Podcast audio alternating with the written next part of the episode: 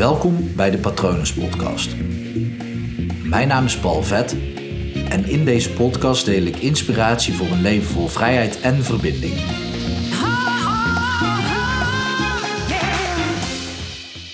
Waarom makkelijk doen als het ook moeilijk kan? Ik spreek hem expres andersom uit. En ja, ik weet het. Uh, een van mijn favoriete quotes is elke dag een stapje. En ik heb wel eens uitgelegd dat als je 1% beter of meer doet, of productiever bent per dag, dat dat in totaal 38 keer zoveel wordt per jaar. Dus in het geval van bijvoorbeeld meer zelfvertrouwen, stel je praat jezelf elke dag 1% meer zelfvertrouwen aan, valt best mee. Maar na een jaar tijd heb je 38 keer zoveel zelfvertrouwen. Uh, en toch is het eh, zo nu en dan, en op sommige gebieden, gewoon slim om de moeilijke weg te kiezen. En ik zal je daar een voorbeeld van geven. Ik uh, maak heel vaak vergelijkingen met sport. En zo'n twee jaar geleden was ik aan het trainen omdat ik een reis organiseerde naar Nepal.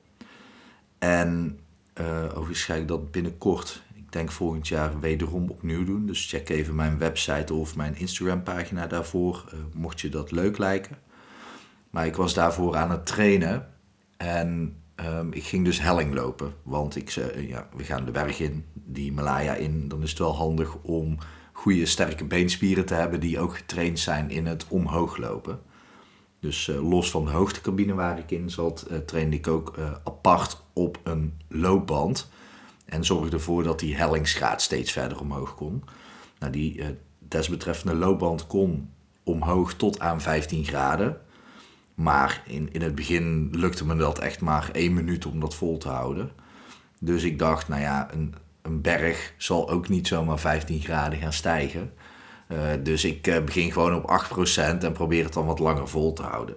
Nou, uiteindelijk lukte dat allemaal wel en dan was ik blij als ik dan een half uur had gelopen of drie kwartier. Waarvan ik dan uiteindelijk, echt na weken van training, zo'n 10 minuutjes op 15% eh, die helling kon lopen. Gewoon achter elkaar in een gestaag tempo. En uiteindelijk heb ik dat zoveel gedaan en zo ongeveer twee à drie maanden ben ik daarmee bezig geweest, waardoor het me prima lukte om de berg op te komen in die Himalaya. Uh, maar het jaar daarna organiseerde ik het weer.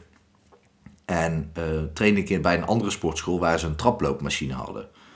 En een uh, traploopmachine of traplopen, uh, een flinke helling oplopen, dat, dat doet mij altijd iets. Dus ik dacht, oké, dan ga ik dat wel doen.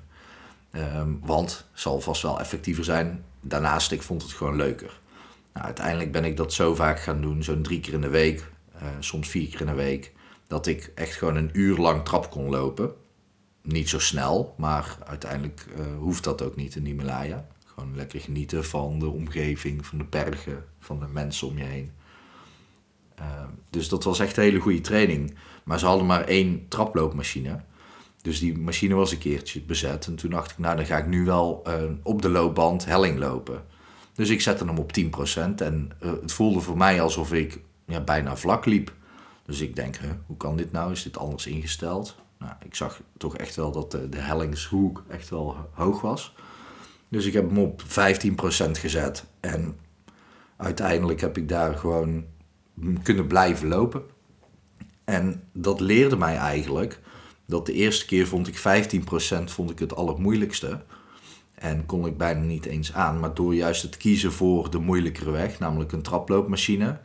En daarna terugzak of terugval op de 15% hellingsgraad. Ja, dat was toen zoveel makkelijker. En als je dat doortrekt naar het normale leven en uh, je probeert iets te doen, iets te leren. En het, uh, het is wel wat lastig, maar ja, het lukt wel enigszins. Kies eens een keertje voor de hele moeilijke stap. Um, de kans is namelijk groot dat op het moment als je de moeilijke stap echt gaat proberen, jezelf daarin vastbijt, dan geef je jezelf ook iets meer um, uitdaging. En naast die uitdaging geeft het je ook veel meer focus. Omdat uh, iets wat moeilijker is, heeft gewoon meer focus nodig. Dus eigenlijk ook nog best wel heel mindful. Maar doordat je er op die manier mee omgaat en echt gewoon in de materie duikt, echt ja, alles beetpakt om iets onder de knie te krijgen. Waardoor het wel moeilijker is. Eh, maar daardoor zet je zoveel grotere en snellere stappen om dat te bereiken wat je wil. En ik geloof nog steeds in uh, richt je op het proces en doe elke dag een stapje. Ik zal daar in een andere aflevering gewoon echt nog even iets meer over opnemen om uit te leggen waarom dat uh, voor sommige situaties of bij heel veel dingen goed werkt.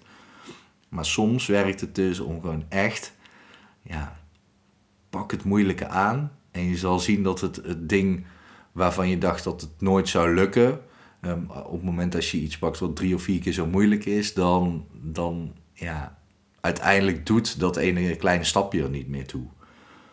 Um, zie je het ook, um, dat is ook met het stellen van doelen. Op het moment dat jij een uh, doel stelt uh, en ziet het als een berg voor je neus, uh, ook al is het een bergje, je kijkt recht vooruit, je kijkt tegen dat bergje aan, maar zet verder in de tijd een veel hogere berg weg. Nou, dan, dan kijk je naar die top van die hele hoge berg, helemaal in de verte, dan zie je dat kleine bergje niet eens meer. Dat is een beetje hoe dit principe werkt.